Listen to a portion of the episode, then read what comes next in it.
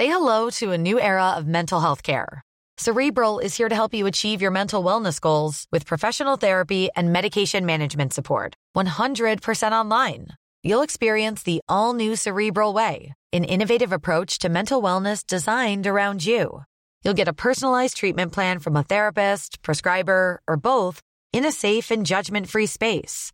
Your cerebral therapist or prescriber will outline a customized plan with clear milestones along the way so you can get to feeling your best. With Cerebral, you're not alone in your mental health journey.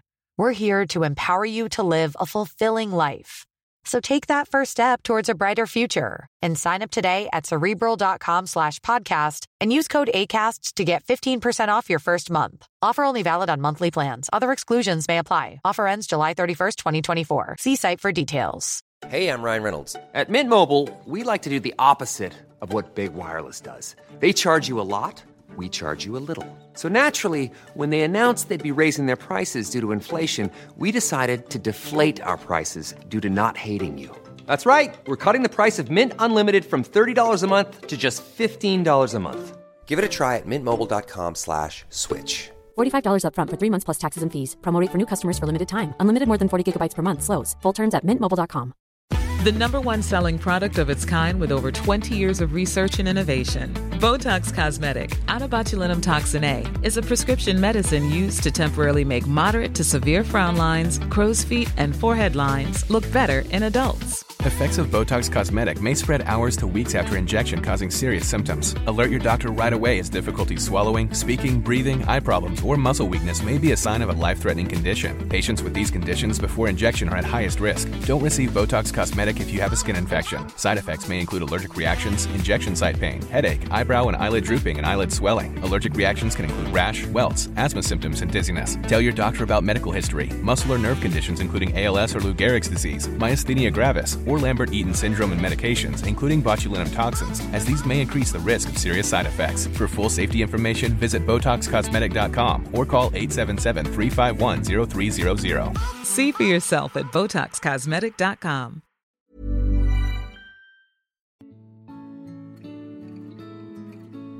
Välkomna tillbaka till podden Utan dig med mig Emily och mig Alexandra.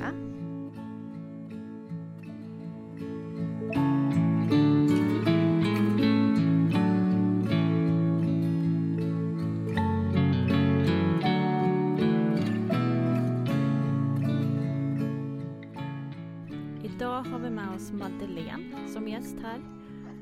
Och eh, du är mamma till många barn.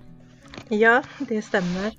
Du kan få berätta lite om er Mm. stora familj. Ja, eh, jag är eh, gift eh, med min man Mikael och vi har åtta barn tillsammans. Men två av dem har vi inte här hos oss. Så sex barn har vi här i livet och två i himlen. Du ska få berätta mer om de som bor i himlen. Ja, jag kanske kan börja från början när jag blev änglamamma. Eh, jag väntade mitt fjärde barn eh, år 2014. Beräknat i början på maj eller juni. Men eh, hon valde att titta ut fem veckor tidigare i maj. Och allting gick väldigt snabbt med Olivia. För, för det första så kom hon fem veckor för tidigt och eh, förlossningen var väldigt snabb. Så att jag var inne på förlossningen i fyra minuter Oj, innan hon tittade ut. Ja, det var snabbt. När hon kom ut så andades hon inte så jättebra. Så de tog henne ifrån mig och eh, gick iväg med henne till läkare som fanns utanför i ett rum. Och eh, jag fick bli kvar inne på rummet. Och där kom min första panik att jag skulle förlora henne. Vilket var jättetufft att ligga kvar inne på rummet när de tog henne och jag inte visste om hon levde längre. Eh, Fick men- eh, pappan följa med? Mm, Olivia han, då? ja, han fick följa med. Och Mm. jag blev eh, väldigt arg så att jag fick min vilja igenom att jag fick sätta mig i en rullstol och för jag hade sån ångest över att hon inte skulle överleva. Och det var fruktansvärt. Eh, men allting gick bra med Olivia. och eh, läkaren sa att det kunde bero på att hon föddes eh, lite tidigt och att förlossningen gick ju väldigt fort. Så det kunde vara anledningen till att, att hon inte andades så jättebra i början. Alltså, fick hon något andningsstöd då? Ja, vi blev inlagda på NEO och där fick hon en CPAP för att eh, få lite stöd med att lungorna skulle vidga sig. Eh, och fick, så fick hon ligga på en värmebädd för att ge lite stöd till att hålla värmen. Men eh, det var inte alls lång tid som hon behövde ha den här hjälpen med CPAP och syrgas och värmebädd. Hon var inlagd på NEO i två nätter. Två dagar, två nätter. Och sen fick hon komma till mig på BB. Så då fick vi en natt tillsammans, bara jag och hon. Vilket eh, var jättespeciellt. Särskilt nu i efterhand. Men jag hade en gnagande oro. Även att, att någonting var fel med tanke på att hon hade mm, behövt hjälp med andningen så jag var jätterädd att hon skulle sluta andas. Jag låg där på kvällen på BB med henne bredvid mig och eh, surfade lite och sökte efter andningslarm som jag klickade hem. Och eh, jag försökte att släppa den här oron men den satt där ändå. Trots att det var mitt fjärde barn. Jag kanske var skärrad efter förlossningen och att hon inte andades bra men eller så hade jag bara en känsla, jag vet faktiskt inte. Den oron hade du liksom inte haft med någon av dina tidigare barn? Inte på det sättet. Mm. Och, eh, dagen efter så skulle vi få åka hem visste jag. Om allt såg bra ut på underläkarundersökningen. Eh, och jag pratade med en sköterska och så tog jag upp min oro. Att jag var rädd att hon skulle sluta andas. Sköterskan tyckte att det var att jag var överdrivet ängslig eh, och, eh, och sa att det fanns ingen större risk att hon skulle sluta andas än något annat barn där. Vilket hon antagligen hade rätt i fast ändå inte. Så att jag hade en oro. Fast jag kunde inte sätta fingret på vad det var. Du blev liksom inte lugnare av hennes Nej. ord? Nej, det kändes som att hon tyckte att jag var lite känslig och sådär men jag kände en oro och jag faktiskt så satt jag även och läste om plötsligt spädbarnsdöd när jag var där på BB. Just för att jag var så orolig. Vilket känns konstigt så här i efterhand att jag faktiskt gjorde det. Men vi fick åka hem. Hennes syskon fick träffa Olivia. Och eh, då var de, Saga var tre och ett halvt och Isabella var nästan fem och William var nästan sju. Om jag räknar rätt. um, de tyckte det var jättekul och för de hade ju väntat jättelänge att få träffa Olivia. Vi hade en jättemysig dag. Min syster var hemma hos oss och även min eh, närmsta vän. Och det var som det brukar vara när man kommer hem från BB, att man är det, man vill bara sitta och mysa med sin nyfödda bebis och Olivia mådde jättebra. Det var, hon var ju mitt fjärde barn så jag kände inte att någonting var annorlunda jämfört med de andra gångerna. Förutom att jag kände mig orolig då. Annars så var hon liksom som vilken Mm. av de andra syskonen som helst liksom. Ja, men hon, alltså, hon åt och ja, sov väldigt mycket men det gör ju alla nyfödda. Och var nöjd liksom. Jättenöjd. Låg och tittade lite och sådär. Sen så var det, när det blev kväll så gick jag och min man upp för att lägga oss. Då sov våra, våra andra barn. Och eh, Olivia sov också. Och eh, vi bestämde att min kompis då och eh, syster skulle sova över. Så de sov kvar i vardagsrummet på nedervåningen. Och sen gick vi upp och la oss och jag la Olivia mellan mig och min man i sängen. Och såg till liksom att hon inte var för varm. Hon hade bara blöja på sig för det var rätt så varmt. Eh, och att hon hade en eg ett eget täcke och sådär. Och ingen kudde och ja. Jag var helt enkelt noggrann med att hon låg tryggt och så. Och eh, sedan så låg jag där faktiskt och var väldigt orolig men kände att jag, jag måste sova för jag har nästan inte sovit någonting på sjukhuset för jag var så orolig. Eh, så jag somnade med Olivia bredvid mig. Och sen så vaknar jag upp och eh, tänker att oj, jag måste ha sovit länge nu. Och kollar på klockan på min telefon. Vi hade en eh, nattlampa så att det var en dov belysning i rummet så jag kunde ju ändå se. Ehm, och jag tittade på Olivia innan jag tittade på min telefon kommer jag ihåg. Och det såg, jag såg ingenting konstigt alls.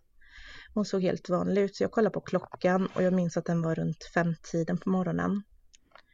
Och jag hade nog somnat kanske vid tolvtiden ungefär. Och eh, så jag satte mig framför Olivia och eh, eh tog av henne täcket. Jag reagerade blixtsnabbt faktiskt för jag reagerade jättesnabbt på att hon inte, hennes bröstkorg rörde sig inte. Hon såg så ovanligt still ut. Eh, så jag lyfte upp henne i, och, eh, i panik och eh, hennes kropp kändes som, men, som en trasdocka nästan att hon liksom hon var helt slapp. Och jag försökte att ja, men, ropa på min man, han låg ju precis bredvid mig. Men det var som att jag inte fick fram några ord, alltså min röst fungerade inte. Så jag bara hörde mig själv att eh, det kom så konstiga ljud bara från mig. Att rösten satt liksom fast. Ja, det var som en mardröm helt enkelt. Men till slut så lyckades jag ropa att eh, vakna, Olivia andas inte. Och då satte han sig upp i sängen och sa, men vad fan, jag minns det jättetydligt. Och sen så, han är den som är lugn av oss två. Så han sa att jag skulle lugna ner mig och att vi ska ringa till, äh, ringa 112. Men jag visste nästan inte hur man låste upp telefonen eller slog in numret. Jag lyckades på något sätt och eh, jag tror inte det gick många signaler, kanske en, två, men det kändes som att allting gick i slow motion, att det var så, tiden gick så långsamt.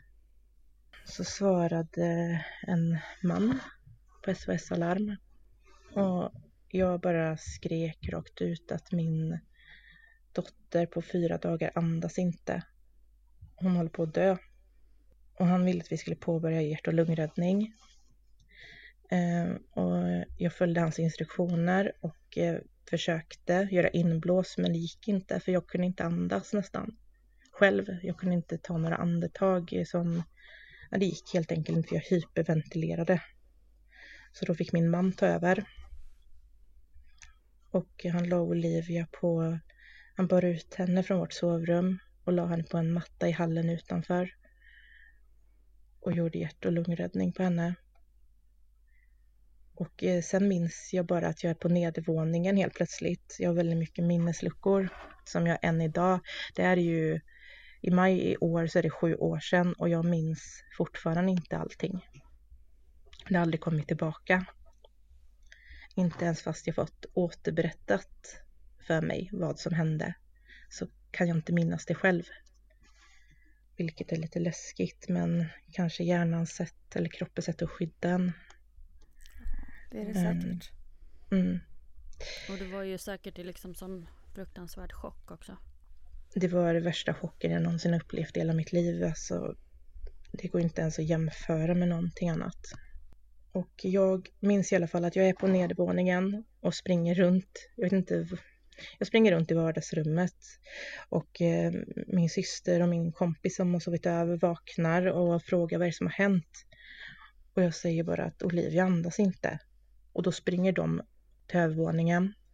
Och på något sätt, jag tror jag följer efter för helt plötsligt så är jag uppe igen. Och eh, jag ser att eh, Olivia har, gett, hon har fått blåa läppar. För när jag vaknade och eh, upptäckte att hon inte andades, då såg det syntes, det syntes ingenting att hon inte andades förutom att hon inte rörde sig. Hon hade jättefin hudfärg och normala, no, normal färg på läpparna och var varm och hon såg liksom inte död ut. Bara att hon var still. Men nu när jag kom upp på övervåningen då såg, då såg jag att hon var väldigt blå. Och då säger Micke, min man då, hade, han hade på högtalaren. Så han eh, följde ju instruktionerna där med han från ett, eller SOS Alarm. Då säger han till honom att hon, nu har hon blivit blå om läpparna. Och jag bara skriker efter typ, nu vart är ambulanserna och de säger att de är jättenära men det känns inte så. Och jag bara tänker, nu dör hon. Och så, så jag kan bara, alltså det är som jag ser mig själv utifrån. Att jag springer ut och jag har på mig bara trosor och en stor t-shirt och bara springer ut. Och klockan är liksom runt fem på morgonen. Och jag springer ut och typ är, att jag vill leta efter ambulanserna. Och sen helt plötsligt så ser jag att de har kommit men jag minns inte om jag står och väntar eller om jag, eh, jag vet inte faktiskt det. Jag bara minns att jag ser dem och att jag ropar att ni ska dit och pekar mot där vi bor. Hade era andra barn också Mm. vaknat? Ja, eh, vi har ju sovrummen, alla sovrum på övervåningen. Så att eh, min, eller vår dotter Isabella hade vaknat. Eh, men då hade, det var när min kompis och syster då var här på övervåningen så att då följde de, min kompis följde med Isabella in och så sa hon att ah, Olivia är sjuk så att hon ska åka till sjukhuset men det är ingen fara. Och jag vet att min kompis, eh, hon, hon trodde aldrig att Olivia skulle gå bort. Hon visste att, men nu när ambulansen kom också, att hon var säker på att Olivia skulle överleva, att nu kommer det gå bra. Och jag var säker på att det inte skulle gå bra. Jag kände det med en gång, att det är för sent. Jag hade inget hopp överhuvudtaget. Det fanns liksom aldrig där.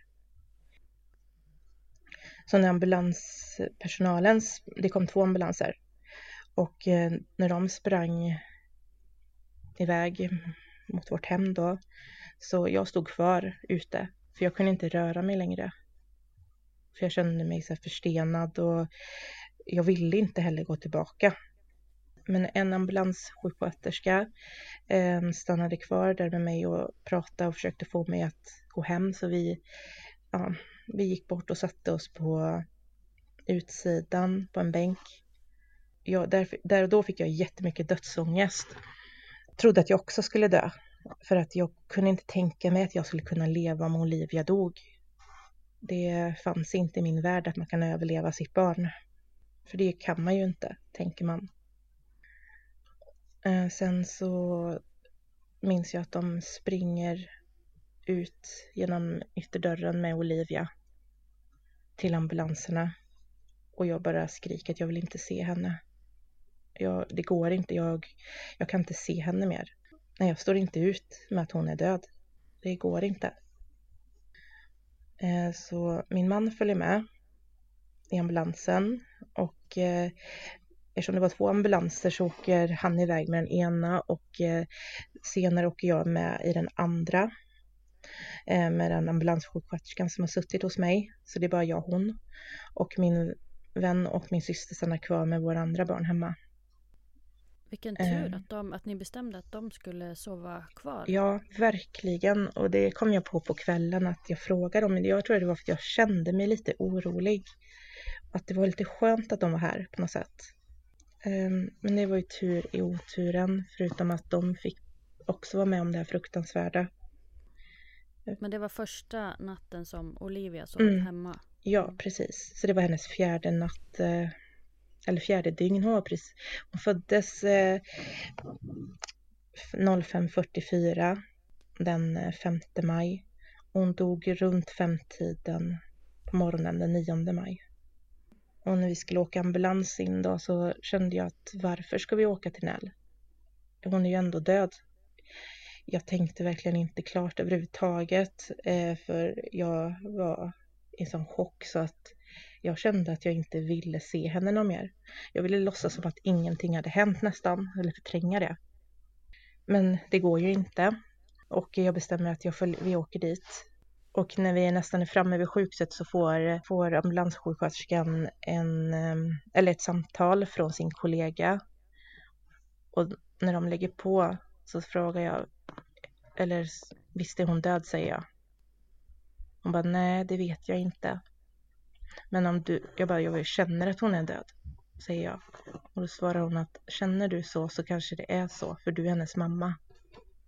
Jag tror ju att hon visste det, fast hon vill inte säga det i ambulansen. Det var inte hennes sak att säga det, helt enkelt. Så jag förstår henne, att hon inte berättade det. Ehm, och när vi kommer fram så får jag träffa Micke och vi får sätta oss i ett rum. Eh, ett jättelitet rum med typ ett skrivbord och ett par stolar.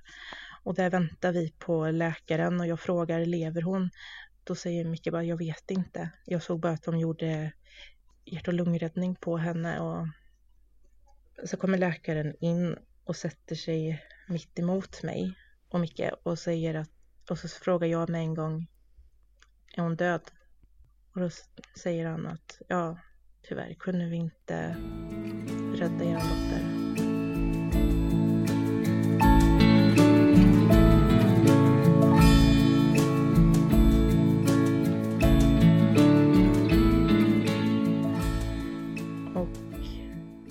Efter det så känns det som att livet är slut nästan.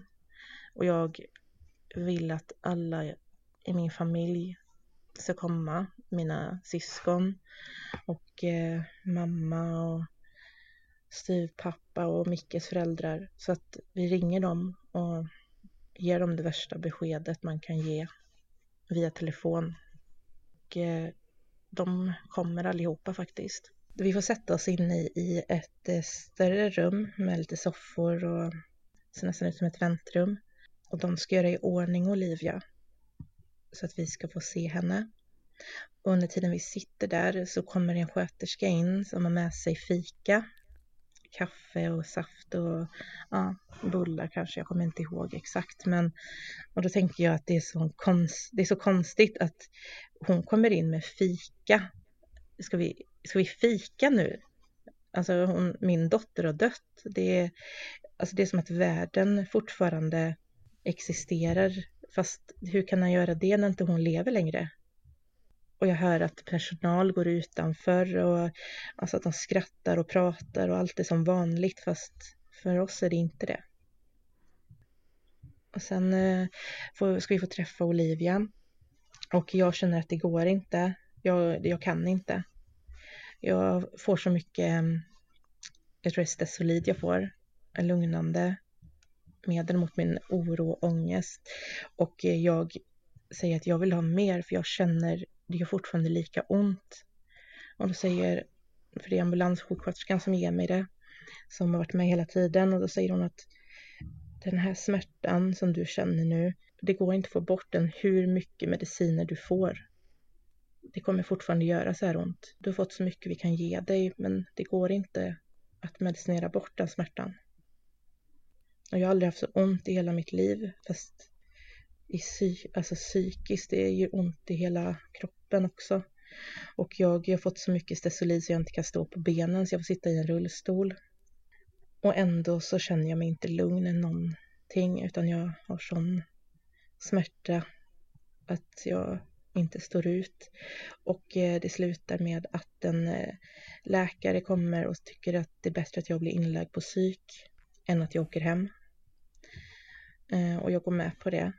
Sen sover jag i princip dygnet runt i fyra, fem dagar på psyk. Och jag minns ingenting för jag sov bara. Fick du några mediciner där också? Jag kommer inte ihåg, alltså jag kommer inte ihåg någon, jag trodde inte ens att det var så många dagar. Det är min man som har berättat det. Du låg där i ja, fyra eller fem dagar. Jag trodde det kanske var en eller två dagar. Jag kommer inte ihåg någonting nästan. Jag kommer bara ihåg att, nu, att jag vill att de ska ta bort allting som påminner om Olivia innan jag kommer hem.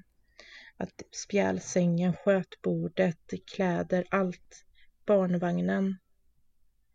Allting måste bort. För att jag vet att jag inte kommer stå ut med att komma hem till det. Men när jag kommer hem så är det första jag gör att gå upp till sovrummet och krypa ner under täcket i sängen precis där hon dog. Och sen vill jag inte gå därifrån. Tiden efter det är fruktansvärd och det är ingen som någonsin borde behöva uppleva att behöva ta de här besluten som vi som förlorar ett barn behöver göra när jag vaknar, varje gång jag vaknar när jag har sovit, då minns jag igen att hon är död. Så det, istället för att drömma mardrömmar när jag sover så är det som att jag, när jag vaknar så hamnar jag i mardrömmen. Känner du fortfarande så nu när det har gått sju år snart? Nej, inte på det sättet gör jag inte men eh, jag kan fortfarande känna väldigt djup sorg. Att jag går tillbaka i sorgen. Men det är inte så att varje gång du vaknar att Nej. du vaknar till en mardröm? Nej. Men någonting som blev svårt för mig var att jag drabbades av posttraumatiskt stresssyndrom efter förlusten av Olivia. Så att på nätterna så kunde inte jag sova för att jag var tvungen att alltså, vaka över mina tre andra barn. Så jag var inne, eller jag vågade inte ens gå in i deras rum. Jag ställde mig utanför och lyssnade för jag vågade inte gå in ifall de skulle vara döda. Och jag höll på så hela nätterna igenom. Och det kunde bli liksom 20 till 30 gånger på en natt. Eh, så när min man gick upp på morgonen, då kunde jag gå och lägga mig för då gick ju de barnen upp också. För mig var det förknippat sömnen, barns sömn var förknippat med att då dör man när man sover. Och jag förstod inte att det var posttraumatiskt stresssyndrom då, men det förstod jag ju sen. Och att det var, ja, det var en väldigt svår tid. Hur länge pågick det då? Jag minns inte exakt, det, liksom, det försvann ju inte på en gång, alltså att det blev bra med en gång, utan det liksom trappades, alltså ja men det liksom blev bättre och bättre. Jag började med att jag tvingade mig själv att ligga kvar i min säng och inte gå upp och kolla.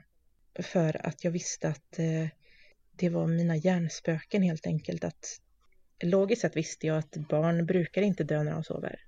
Men eh, efter jag varit med om att det hade hänt Olivia så trodde min kropp det på något sätt. Fick du någon hjälp, samtalshjälp eller samtalsstöd och sådär?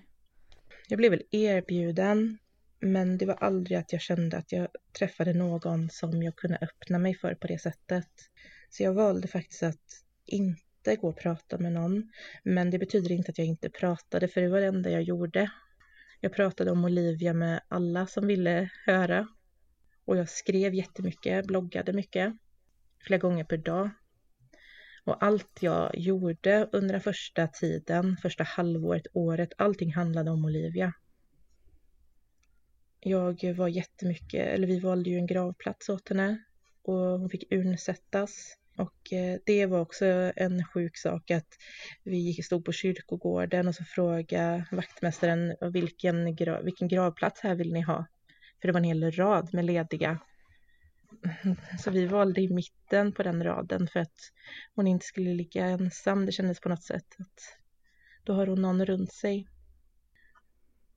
Nu hoppar jag fram lite för jag har hoppat fram lite för mycket för att vi träff, jag träffade Olivia igen efter att hon hade dött. Men jag bestämde mig att jag vill inte eller jag vill inte se Olivia igen, för jag klarar inte det och jag vill minnas henne som hon var när hon levde. Men det var för att jag var så rädd eh, för mina känslor.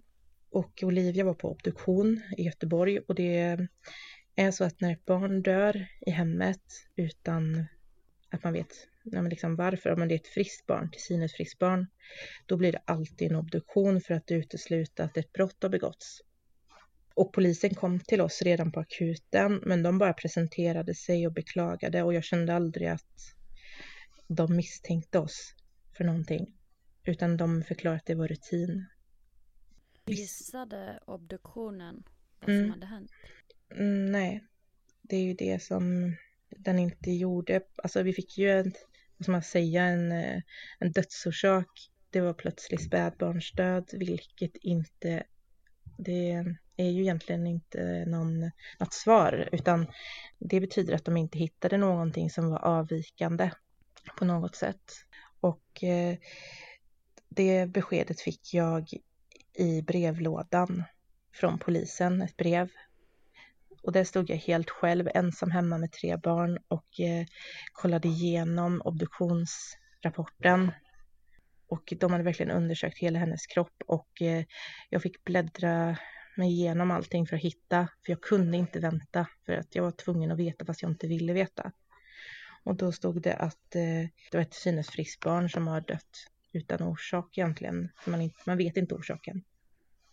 Olivia efter obduktionen så det var ungefär tre veckor innan hon kom tillbaka till det sjukset som vi hör till eh, i Trollhättan. Och eh, då bestämde jag mig bara några ett par dagar innan att jo, jag vill träffa henne en sista gång. Då åkte vi ut till eh, ett köpcentrum och eh, skulle, jag ville köpa några kläder som hon skulle ha på sig. Vi hade ju kläder, men jag ville ha något speciellt som hon skulle ha på sig i kistan. Och eh, så stod jag över alla bebiskläder och valde en kofta för jag ville hon skulle vara varm. Och en liten mössa. Och, och det var ju tortyr att stå där och välja kläder till sitt döda barn. Det är ju inte det man har tänkt sig. Det är troligtvis inte det de som jobbar i butiken tror att man Nej. handlar till heller. Nej, och när jag stod i kassan och skulle betala så säger hon eh, att hon tjejen som står där, butiksbiträdet att åh vilka söta kläder och så tittar hon på mig typ som att jag ska svara henne att vem de är till. Och jag vet inte vad jag ska säga så jag bara mm. Och sen när jag kommer ut därifrån så bryter jag ihop och börjar gråta mitt i mitt bland alla folk. För då, då liksom går det inte längre. Sen eh, så åker vi till eh, och köper, ska köpa blommor som jag vill lägga, jag vill köpa rosor, vita rosor till Olivia. Då är det jättemycket folk i den blomsteraffären för det är studenttider liksom och alla är jätteglada och köper massa fina blommor till sina barn och familjemedlemmar som ska ta studenten och det står jag och väljer ut blommor till mitt döda barn. Det känns så konstigt. Alla lever som att ingenting har hänt och vårt liv har typ förändrats för alltid. Men jag gör det ändå. Jag gör de här sakerna fast det gör så ont för Olivias skull. Och jag åker dit och är jätterädd och får träffa sjukhusprästen. För då är Olivia i avskedsrummet där. Och hon säger att hon har ju förändrats lite såklart eftersom att det gått tre veckor. Men när jag kommer in och ser Olivia så vill jag hålla henne med en gång. Även fast jag var så rädd så då är det nästan borta. Och det enda jag ville är att hålla henne. Hon har fortfarande på sig samma blöja som hon hade när hon dog. Och eh, hon hon ligger i... på sig då? Eller var det bara Nej. blöjan? Nej, bara blöjan och in... Och en liten... Nu, jag måste tänka. Jag tror hon bara har blöja och filt och en liten hjälmmössa på sig på huvudet. En vit mössa som de har satt på. Och så ligger hon i en flätad så här, träkorg eller ja, en flätad korg. Alltså det var jättefint, så här, värdigt liksom. Att de verkligen har bäddat om henne. Hon har svarta läppar och hennes ögon glipar lite som att hon har varit död ett tag. Men det gör ingenting. Jag kommer aldrig glömma den lukten, hon luktar död. Så här kallt och en väldigt speciell lukt. Inte så här jätteäcklig lukt utan mer kallt. Det är svårt att förklara. Hon är så kall. Och det reagerar jag. Jag förstod ju att hon skulle vara kall men inte så kall. Det är som att hon har varit ute i typ snön. Nej men den är jätte, jättekall. Och eh, vi bestämmer oss för att vi ska klä på henne kläderna. Vilket jag på ett sätt kan ångra idag för att hon hade väldigt mycket obduktionsärr som vi fick se. Ända nerifrån blöjkanten och ända upp till halsen och jag såg inte men jag kände i hennes bakhuvud att det var stygn och sådär. Och det, de borde ju ha satt sån här hudfärgad tejp över egentligen. Så det gjorde de en miss. För att den, den där bilden av hennes stygn över hela hennes kropp, det sitter kvar. Eller jag har den bilden väldigt tydlig. Jag och min man, vi håller tillbaka alla känslor och bara gör det. Vi klär på henne och bäddar ner henne. I kistan eller Mm. i den här... Ja. I kistan. Vi har fått en vit liten kista. Som vi bäddar med vår, eller hennes sängkläder som hon hade i spjälsängen och lägger ner nallar och teckningar från hennes syskon under hennes kudde och jag skrev ett brev, jag skrev ett brev till henne några dagar innan som eh, jag lade under kudden. Som aldrig någon annan läst utan det var bara till henne. Och jag minns faktiskt inte ens själv vad jag skrev men jag fick följa med henne. Och vi gjorde hand och fotavtryck och tog jätte, jättemycket bilder. Och det är jag jätte, jätteglad för och det skulle jag vilja säga till de som är nydrabbade att och förlorat ett barn att ta mängder av bilder för att det är det enda man har sen. Det och sina minnen. Och att vi, klippte även en liten hårlock. För även om hon var för tidigt född, alltså fem veckor för tidigt född, så hade hon mycket hår. Hon vägde 2806 gram och var 48 centimeter lång. Så hon var rätt så stor ändå. för att Ja. vara så tidigt född. Mm. Och helt perfekt såklart. Jättefin. Precis som sina syskon. Så hon var jättelik eh, sin syster Saga. Vår dotter Isabella som då var fem år. Hon var med oss när vi la henne i kistan. För hon ville det. Ehm, Hon pratar någonting om det idag. Alltså nu, i nutid också. vi pratar inte jättemycket om det faktiskt, just det. Men hon, jag tror hon är fortfarande glad att hon var med. När hon höll i Olivia, när hon, ja, hon höll ju i henne där. Och hon gjorde det så, det var så naturligt för henne. Det var, hon var inte rädd eller tyckte att det var... Hon, hon, hon kommenterar ju liksom att "Åh, hon har svarta läppar och sådär, men för henne så kändes det som att det var naturligt att hålla i sin syster. Och det var fint.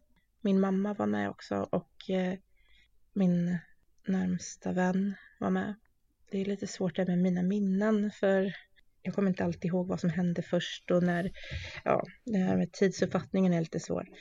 Men efter vi hade lagt Olivia i kistan så satt, skrev vi på locket på kistan. Jag tror inte, nej det var inte samma dag som hon skulle begravas för, eller vi skulle ha begravning för att hon, vi lämnade kvar henne där och så kom vi några dagar senare och hämtade hennes kista för att köra henne till kyrkan. Så jag satt i baksätet i vår bil med den lilla kistan bredvid mig eller i knät. Jag, bredvid mig måste det ha varit för den, den var inte så liten ändå. Den var lite längre än, den var längre än henne för att man skulle få plats med gosedjur och men den var ändå jätteliten. Så det var så konstigt att vi hade vår dotter i en kista i bilen istället för i ett babyskydd. Mm. Alltså det är ju så fel som det kan bli liksom. Mm, verkligen. Men begravningen blev fin. Det var alla närmsta bara. Och sen så körde någon från begravningsbyrån iväg henne till krematoriet. Och cirka en månad senare så hade vi urnsättning för henne. Brukar ni vara ofta vid hennes grav? I början var jag där jämt. Alltså jag var där, jag kunde vara där flera gånger per dag. Och jag kunde nästan, jag tänkte säga sjuka tankar att jag ville gräva upp urnan och för att jag ville ha henne hos mig. Min man sa att nej, det är inte okej. Och jag hade väl inte tänkt att göra det heller, men de här tankarna kom. Jag ville så gärna vara med henne. Så att det var jättejobbigt, så jag var där jämt. Men med tiden så har det blivit mindre och mindre och idag så är jag där fyra, fem gånger per år faktiskt. Och även fast vi bor jättenära. Det handlar inte om det. Jag känner inte att jag är närmare henne när jag är där. Jag känner att hon, jag är nära henne hela tiden. Alltså i mina känslor, i mina... Det låter ju så här klyschigt bara, men hon finns i mitt hjärta, men det gör hon. Det är där hon finns. Jag bär henne med mig. Så ju längre tiden har gått, desto mindre behov har jag av att vara vid graven faktiskt. Men vi valde en jättefin vit gravsten till henne med en bild av henne på. Och eh, så är det rosa text. Och så står det Du fick oss att älska så mycket som ett hjärta kan. Mm, jättefint. Men jag eh, sörjde Olivia väldigt mycket och då, det är klart, jag sörjde ju henne, det gör ju alla, men eh, att jag fick utlopp för det mycket, att jag gjorde saker, att jag planterade ett träd för henne till och med och pratade om henne jättemycket. Jag skrev dikter och jag bloggade. Allting handlade om Olivia och jag behövde det. Det var mitt sätt att bearbeta den sorgen på. Men sen kom även den här känslan att jag ville bli gravid direkt efter det här hade hänt nästan.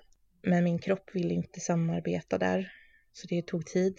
Vilket kanske är bra nu. kan tänka lite mer klart att det hade inte varit bra att bli gravid så tätt inpå eftersom jag hade posttraumatiskt stresssyndrom också. Jag tror det tog 15 månader innan jag plussade och bli gravid igen. Och det var underbart och fruktansvärt jobbigt också. Jag vet att många änglaföräldrar kan ha skuldkänslor när de blir gravida igen gentemot sin ängel, att man ersätter, men det kände jag faktiskt aldrig. För att det var inte så att jag valde att skaffa ett nytt barn för att ersätta Olivia. Men det var att jag kände mig så tom för att det barnet bara togs ifrån mig. Det var som att jag, någon, att jag hade blivit lurad, att jag fick det bästa man kan få. Och så har jag precis kommit hem med henne och sen är det bara någon som tar henne ifrån mig igen. Jag frågar min man ofta och även andra runt omkring mig att kan jag få tillbaka henne? Jag vill ha tillbaka henne igen. Jag vill att hon ska komma tillbaka. Och jag hoppades på att de skulle säga ja. Så jag blev besviken när de sa att det går inte. Fast jag visste att det, det går ju inte. Men jag blev besviken ändå. För att jag ville så gärna ha henne. Och det var en jätte, jättetuff graviditet att vara gravid efter det här. Och eh, jag mådde jättedåligt och trodde att barnet i min mage, som också var en liten tjej, att hon skulle dö också. Fick du något extra stöd under graviditeten? Mm, ja, jag hade en jättebra barnmorska som verkligen tog min oro på allvar. Men jag, jag ville ju gärna ha flera ultraljud på grund av min oro. Eh, men det kändes som att de tyckte inte att det fanns något att jag borde få det på grund av att Oliv, eller Olivia dog ju aldrig i min mage så det hade ju ingenting med min graviditet att göra. Jag var ju, hade ju en normal graviditet både med Olivia och även nu när jag väntade Lovisa som hon fick heta sen då. Eh, det var ju normalt så att jag fick inte det stödet jag behövde i form av mer kontroller med ultraljud och så. Och det tycker jag är väldigt dåligt att hade jag förlorat henne i magen hade jag fått det. Jag hade ju vänner som jag träffade genom att änglaföräldragrupper på Facebook och så vidare. De hade förlorat kanske i magen då och då fick de jättemycket ultraljud och blev bekräftade liksom i att det var inte konstigt att de var oroliga under sina graviditeter. Och det kunde jag känna att det fick inte jag för att mitt barn dog inte i min mage. Så då borde inte jag vara orolig när jag är gravid utan efter i sådana fall. Men hade du fått gått på extra kontroller hade det liksom hjälpt dig att mm. lite mer lugnare säkert? Ja, ja men faktiskt hade det ju det, i alla fall för stunden. Mm. När jag hade varit på ett ultraljud så var jag ju lugn i alla fall någon vecka, men sen så började det komma tillbaka igen. Mm. Jag borde ha krävt mer helt enkelt, men man orkar inte heller. Nej, och ska man behöva göra det? Nej. Alltså, det tycker inte jag. Nej, man har ju liksom ingen kraft till det. Så jag mådde väldigt psykiskt dåligt när jag väntade Lovisa, men var också så lycklig över att hon skulle komma. Och när hon föddes och jag hade så ont när jag födde, då tänkte jag på Olivia, hur mycket jag saknar henne och att nu ska den här ungen ut, nu ska jag få träffa Olivias lilla syster liksom. Så då fann jag kraft mitt i förlossningen genom att tänka på Olivia. Och så kom Lovisa ut. Och eh, det låter jätteklyschigt men hon fick mitt liv att, alltså hon gav mig livet åter verkligen. Jag kände att hon läkte mig, alltså vissa sår läks aldrig eller jag saknar Olivia lika mycket fortfarande. Men min famn fylldes av en liten nyfödd som jag fick ha kvar, som inte försvann. Mm. Och jag Skrek fick... hon när hon kom ut? Ja, det gjorde hon. Det var en fantastisk förlossning. Jag fick en igångsättning eftersom att jag var så orolig. Så... Och det var jättebra. Hon skrek och hon mådde bra och hon stannade kvar. Och jag fick ge hennes stora syskon en en lilla syster som stannade kvar. Men hur var det att komma hem med henne då?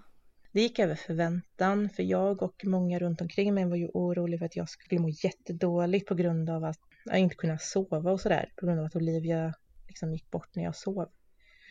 Mm. Men det gick mycket bättre. Det var mer graviditeten som var svår när hon var på utsidan, då kunde jag ju se henne med en gång att hon andas, hon lever. Men i magen, då är det så att då är det bara mitt ansvar att känna att allting kändes normalt.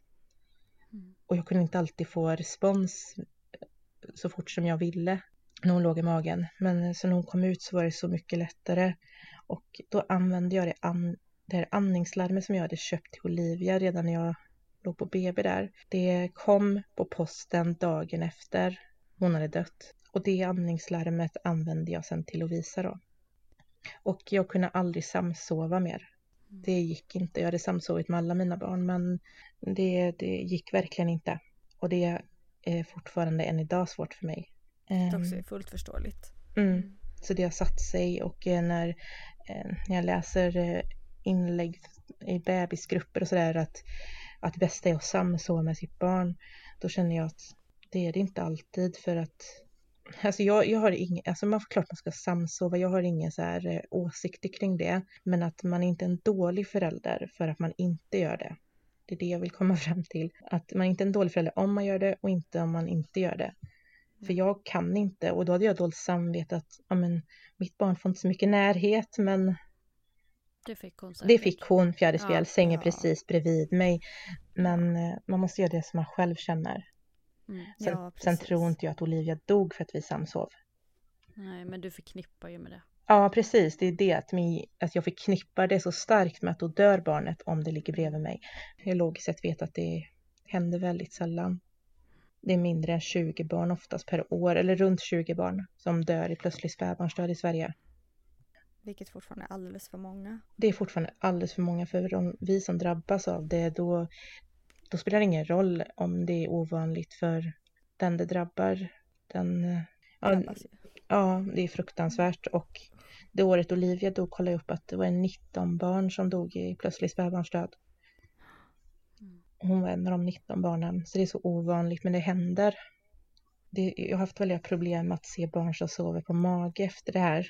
För att jag mår jättedåligt utav det. Det gjorde ju inte Olivia nu, hon sov ju på rygg, men eftersom att det är så ökad risk när jag sover på mage så har jag jättesvårt för det. Och även precis efter förlusten så klarar inte jag se bebisar som sov överhuvudtaget. Och när jag fick Lovisa då efter Olivia så jag kollade ju henne hela tiden. Men kände du dig lugnare med andningslarmet? Ja, det fellarmade ibland. För det var sånt man fäste i blöjkanten. Så det kunde ju lossa lite. Men man vande sig vid att det felarmade så man blev inte rädd av det så mycket utan man eh, bara kollade och såg så att det satte på det igen. Men det blev ju lite att det var svårt att sluta med det. För då blev det ju lite så här tvångstankar eller sån här, ja men, ja jag måste ha det annars så dör hon just nu bara för att jag inte har det. Mm. Men sen kom, länge? Mm, Jag var nog ett halvår bara. Bara säger jag för att vi, många har ju det längre. Men jag kände att jag måste försöka tro att hon ska leva. Och sen har du blivit gravid flera gånger. Mm. Jag fick ju Lovisa 2016 då och eh, 2018, nej jag blev gravid 2017 men eh, jag var beräknad att föda 2018 i juni. Då eh, var jag i vecka 21 nästan när jag skulle på ultraljud och jag hade varit på ett ultraljud tidigare runt vecka 9 och då sa barnmorskan att allt såg bra ut. Men när jag var på ultraljud, det var rutinultraljud jag skulle på och eh, då så var det så att barnmorskan verkade inte hitta det hon sökte riktigt. Men det första jag såg eh, när hon satte den här lilla dosen på magen var att jag såg hjärtat slog.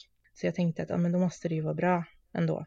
Men eh, barnmorskan, jag började känna att hon blev stressad och inte pratade någonting och sådär. Och då frågade jag, ser det inte bra ut eller? Och så sa hon att det ser konstigt ut för att här ser jag liksom näsan men jag kan inte riktigt se skallbenet. Och, och då började jag bli jätteorolig och hon tryckte jätte, jättehårt för att eh, försöka se men det fanns ingenting att se. För att eh, det visade sig att eh, lilla pojken som låg i min mage saknade skallben. Och eh, hon hämtade en läkare för att bekräfta eller ja, vad hon såg. Och då sa han att ja, tyvärr så saknar ditt barn eh, skallben och storhjärna. Och eh, det är 0 chans till att han kommer överleva. Efter att han har fötts. Ja, antingen om jag hade eh, fortsatt vara gravid så hade han dött i magen eller dött vid förlossningen. Alltså han den delen av hjärnan som han saknade var den som gör så att man känner, tänker, hör, ser, alltså styr alla syn, sinnen man har och så vidare. Så man, det var som att han var hjärndöd fast mm, som att jag var hans respirator lite. Hans hjärta slog men han var ändå död. Var Och du ensam där på det ultraljudet? Nej, jag hade min mamma med mig. Och då, men då var det som att man fick återuppleva den här smärtan av att nu rasar allting igen. Och eh, våra barn visste ju om att vi skulle på ultraljud och vi fick säga tyvärr så blir det inget syskon. Och det kändes som att jag, det låg ju inte på mig egentligen, men jag kände att jag svek dem. Att jag återigen gjorde, eller liksom, det var inte jag som gjorde det, men det var ändå jag som hade blivit gravid och jag som förlorat barnen på något sätt. Jag kände att det var mitt fel att de förlorade syskon. Och det var väldigt tufft. Att det var nästan tuffare att se deras sorg än att bära min egen. Eh, Mina äldsta barn var ju ändå så pass stora också då så de kunde förstå vad döden innebar på ett annat sätt än vad små barn kanske gör. De förstår lite mer på ett vuxet sätt av vad döden innebär. Fick ni välja då om ni ville avbryta graviditeten? Mm. Och eh, det fanns, för mig fanns det inget annat alternativ än att göra det. Man måste, när man är så pass långt gången, jag var i vecka 20 plus 4 när vi var där. När man är så pass långt gången så efter vecka 18, eller efter vecka 17 plus 6 kan man säga, så måste man ansöka om att få göra ett avbrytande. Så det är ingenting man får, göra utan att, att man får det godkänt först. Trots, är det trots att man, som nu, de kunde se liksom på ultraljudet att det var... Mm, fast de godkänner alltid det. Ja, Det är ändå bara liksom att man måste göra det. ja någon sån här formalia liksom. Ja, men det, de godkänner det alltid så det är liksom men det, det jobbiga är att de, sit, de som tar de här besluten sitter bara med det här en gång i veckan. Varje fredag var det då. Och det här var på en fredag, den fredag den 2 februari 2018. Eh, och eh, de hade precis suttit med det här. Men jag hade tur, om man får säga så. Tur i all otur att de var fortfarande kvar och de tog beslutet med en gång att ja, läkaren faxade in eh, papper på att han hade akrani, heter det, avsaknad av skallben och storhjärna. Vilket är en, den svåraste formen av ryggmärgsbråck. Och de godkände det med en gång så att jag fick ta två tabletter, tror jag det var, och svälja för att sänka HCG-nivåerna som är graviditetshormonet för att förbereda kroppen på ett avbrytande. Och eh, därefter ska man vänta i 48 timmar innan man sätter igång själva förlossningen. Så jag fick åka hem över helgen, vilket inte är en lång tid och det- jämfört med de som behöver gå och vänta i veckor ibland. Här behöver vi inte göra några vidare undersökningar heller, för att eh, det fanns ingenting att undersöka. Har man ingen stor hjärna och skallben så finns det inga chanser. Så vi slapp ta ett beslut som andra som avbryter kanske får göra, där det kanske finns en liten chans att barnet överlever. Här fanns det ingen chans, så att därför kände jag, har jag aldrig känt någon eh, så här, skuld i att jag avbröt, utan tvärtom, jag gjorde det jag var tvungen till. Och jag tycker inte man ska känna skuld heller. Nej. Det är ingenting man vill. heller. Nej. Man gör Fick ni det. någon förklaring till varför det blir så? Mm. Eller? Ja, eller ja, kan man väl säga att jag som de flesta kanske mammor speciellt känner att man lägger skulden på sig själv. Jag började ju undra om det var mitt fel, om jag hade gjort någonting. Men då sa läkarna att nej, det finns ingenting du har gjort utan det här, ibland blir det fel när ett barn blir till. Och eh, det hade det blivit här väldigt tidigt i graviditeten när det heter neuralröret, det är det som ska slutas för att skapa skallbenet och ryggraden. Det har blivit något fel där och så att det, är slut, det sluts aldrig helt, eh, skallbenet. Och eh, då slutar hjärnan att utvecklas helt enkelt. Så det var egentligen otur. Precis, ingenting genetiskt och inget som jag kunde ha påverkat. Man har sett att ryggmärgsbråck och akrani kan bero på att man har eh, för lite folsyra i kroppen. Jag tog ett prov sen för att kolla om hur mina folsyrenivåer låg och det såg normalt ut, så man vet inte. Men ni hade ingen ökad risk för att det här skulle hända Nej. igen? Nej, Nej. absolut inte, utan det var lika liten risk som för alla andra. Det här är rätt så, jag kommer inte riktigt ihåg hur ovanligt det är, men det är kanske ett barn på 20 000 kanske. Så att det är rätt så ovanligt att det händer. Fick er lilla pojk något namn? Mm. Vi hade inte bestämt något namn än. Vi visste ju inte könet innan. Jag fick veta det på ultraljudet. Innan vi lämnade rummet så frågade jag. Jag vill bara veta, är det en pojke eller flicka? För jag tycker det ser ut som att det var en pojke. För jag, ja, jag hann se det. Och då sa de, ja, ah, det är en pojke. Okej. För då kände jag, vi måste välja ett namn innan han föds. För han måste få ett namn. Och eh, då bestämde jag att han skulle heta Oliver. Vilket jag inte hade tänkt på innan, men det var så likt Olivia. Mm. Fint. Mm. Så därför blev det Oliver. Jag åkte in på söndagen då, två dagar efter beskedet och där fick jag eh, Cytotec som eh, startade mitt verkarbete och eh, de ville att jag skulle föda i ett bäcken på toaletten, metallskål. Vilket jag sa att det gör jag inte. Det är helt ovärdigt att föda ut ett barn på det sättet, även fast han inte lever. Jag vill föda i sängen och då fick jag ju det. Men eh, det, jag tycker att det ska de nog ändra lite på för att det här är ett barn som man ville ha. Och det är liksom inte bara lite blod liksom och klumpar som kommer ut utan det är ju ett litet foster. Det är inte som att få ett missfall liksom i vecka 5-6 utan det här är ju ett, det är ett litet, litet barn.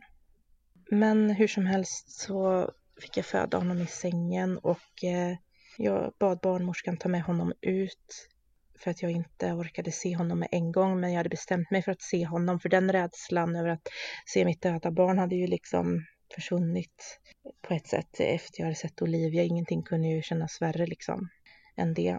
Eh, men jag behövde lite tid på mig att samla mig.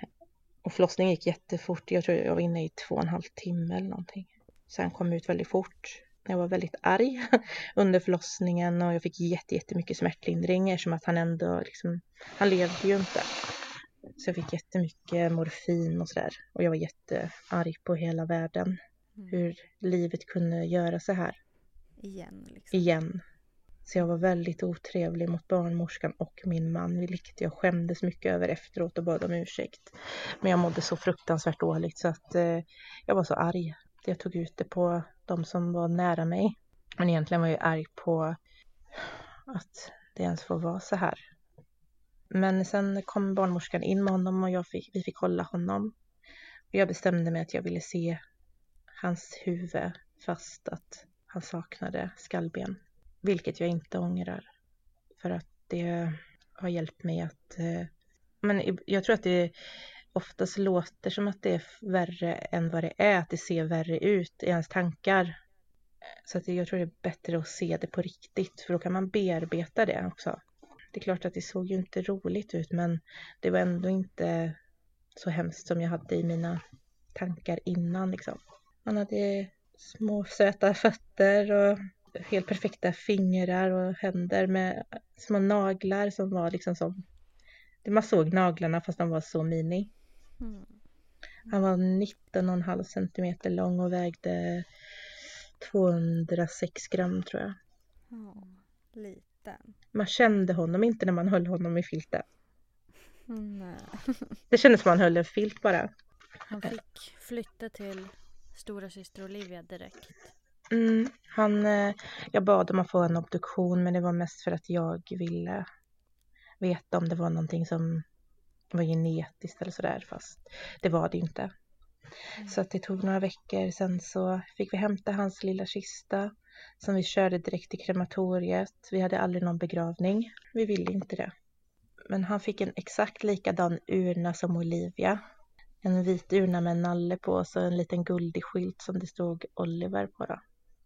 Blev han begravd i samma grav mm. som Olivia? Ja, så vi hade urnsättning. Jag kommer inte ihåg. Jo, jag tror det var på Olivias födelsedag. Eller dagen innan. Nej, det var Olivias födelsedag. Vi var där dagen innan och gjorde ordning lite. Vi valde det datumet, 5 maj. Då hade det gått tre månader. Vi hade kunnat urnsätta tidigare men jag behövde tid mm, ja. på mig. Så den 5 maj på Olivias födelsedag så fick hon sin lillebror hos sig. Mm. Och så min dotter Saga som då var eh, sju år sa att det enda som är bra med att Oliver dog är att nu är han och Olivia tillsammans. Mm. Och det var ju jätte... Jag menar liksom att det fanns inget bra men om det var något som var bra så var det det. Mm. Nu slapp de vara ensamma. Ja, så förståndigt på något sätt liksom. Mm. Ja, verkligen. Och sorgen har varit jättejobbig för dem. Saga var ju bara tre och ett halvt år när Olivia dog så hennes, hon förstod ju ingenting. Det var ju mycket så här änglar med vingar och glittriga vingar och sånt. Men sen när hon blev äldre så har hon ju sörjt på ett helt annat sätt. Idag är, nu är hon tio år och ibland kan hon må jättedåligt över det här eller homoja, det är klart att alla barn är sörjer, men att det kommer som i vågor. Och jag tror att det är att, deras, att de utvecklas, och då ändras deras sätt att sörja också. Och det är så det varit för William och Isabella också i perioder. Våran sorg är ju likadan eftersom att vi har ju uppnått den mognaden redan. Men för barn är, blir det annorlunda. En tre och ett halvt åring. Det måste ju också vara så tungt att Alltså samtidigt som Mm. man bär på sin egen sorg så ska Mm. man försöka trösta.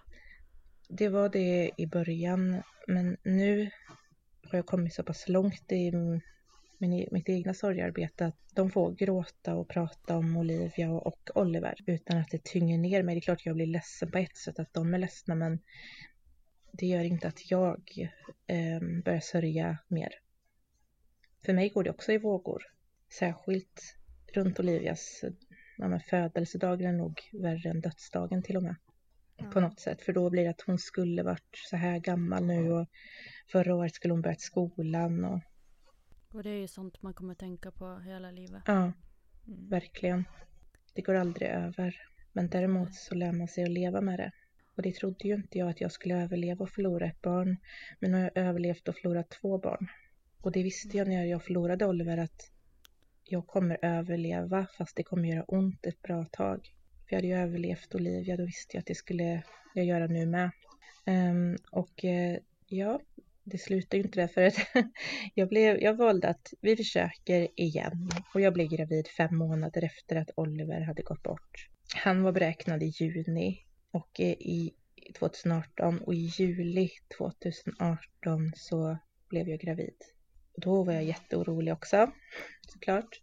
Nu var jag inte bara orolig för att barnet skulle dö i magen utan nu var jag jätteorolig för missbildningar också. Så jag drömde liksom mardrömmar om att jag skulle få ett barn med svåra, svåra missbildningar.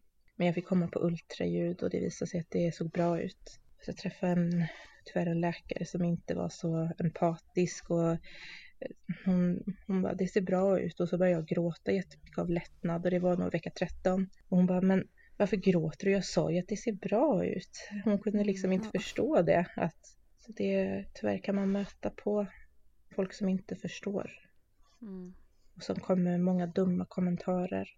Men eh, graviditeten var jättejobbig psykiskt. Eh, jag hade jättemycket ångest. Jag fick posttraumatiskt stressyndrom och att jag, jag trodde att eh, barnet dog i magen om och om igen.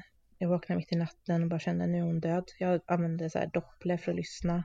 med sig, ja, hjärtmonitor heter det väl också. Jag var helt besatt av det och det var jättetufft så jag blev igångsatt eh, tidigare än vad som egentligen var bestämt. Att, eh, för jag mådde så fruktansvärt dåligt. Men det gick bra. Ut kom en liten Stella i mars eh, år 19.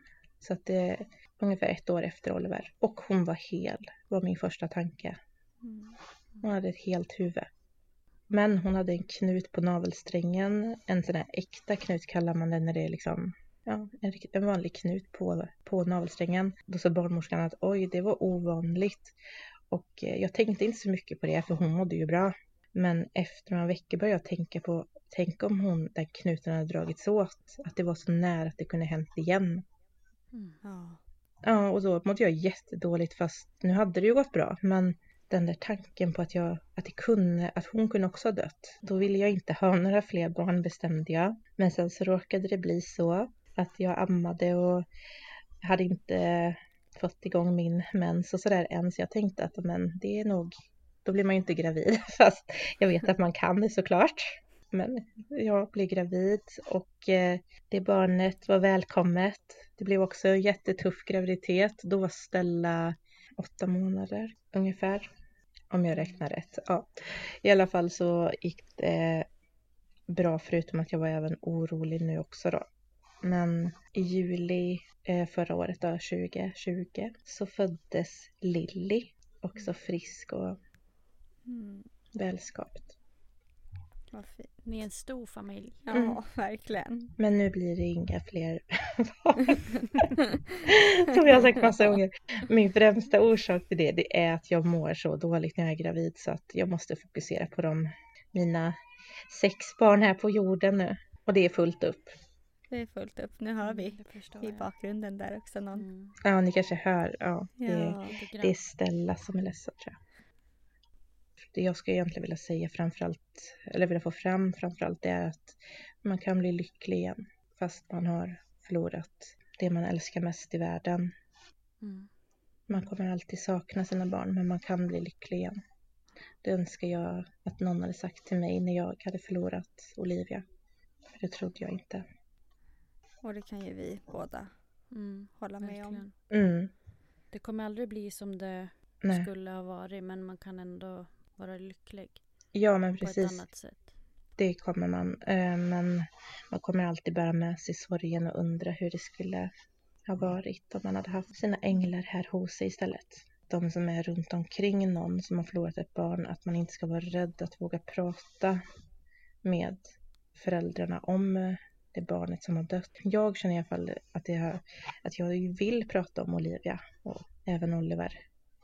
Man blir ledsen kanske, men då är det ju mer för att man är ju redan ledsen. Man blir glad när någon minns ens barn. Verkligen. Det betyder mer än vad man tror. Mm. Ja, jag kan nästan bli gladare när någon frågar hur, eller pra, inte fråga, men pratar om Olivia jämfört med min, om mina levande barn, för de är ju här hela tiden. Mm. Men då är det som att då, då finns Olivia kvar. Ja, det är jätteviktigt. Mm. Mm. Och för alltid bli pratad om, inte bara i början. Så. Nej, Mm. så det är viktigt att man får minnas dem. Ja, verkligen. Mm. Tack så jättemycket Madde för att vi har fått höra om din stora familj och Mm. framförallt om dina fina änglar. Ja, Snälla.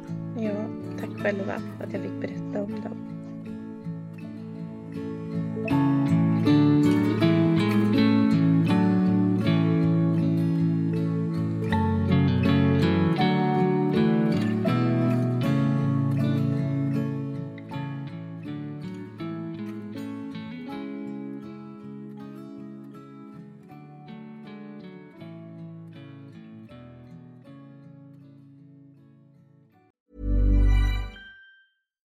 Subtle results, still you, but with fewer lines. Botox Cosmetic, out of botulinum toxin A, is a prescription medicine used to temporarily make moderate to severe frown lines, crow's feet, and forehead lines look better in adults. Effects of Botox Cosmetic may spread hours to weeks after injection, causing serious symptoms. Alert your doctor right away as difficulty swallowing, speaking, breathing, eye problems, or muscle weakness may be a sign of a life threatening condition. Patients with these conditions before injection are at highest risk. Don't receive Botox Cosmetic if you have a skin infection. Side effects may include allergic reactions, injection site pain, headache, eyebrow and eyelid drooping, and eyelid swelling. Allergic reactions can include rash, welts, asthma symptoms, and dizziness. Tell your doctor about medical history, muscle or nerve conditions including ALS or Lou Gehrig's disease, myasthenia gravis, or Lambert-Eaton syndrome and medications, including botulinum toxins, as these may increase the risk of serious side effects. For full safety information, visit BotoxCosmetic.com or call 877-351-0300. See for yourself at BotoxCosmetic.com.